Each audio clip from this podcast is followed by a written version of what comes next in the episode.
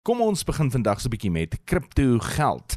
'n Nuwe munt wat geloods is na aanleiding van die gewilde Netflix reeks Squid Games het in duie gestort en wat nou voorkom as 'n slenter. Die Squid, soos wat hy genoem is, het in die afgelope week wat met meer as 1000% in waarde geklim op die kriptomark, maar het ewesklik byna al sy waarde verloor, 99,99 om presies te wees. Ekenders noem die skuif die sogenaamde rug pull. Die ontwikkelaars van die munt is glo weg met meer as 3 miljoen Amerikaanse dollar. Die munt sou glo gebruik kon word in die nuwe aanlyn Squid Games speletjie, maar die kopers van die munt was glad nie in staat om die munt te ruil vir iets soos Bitcoin nie. Ons bly by speletjies.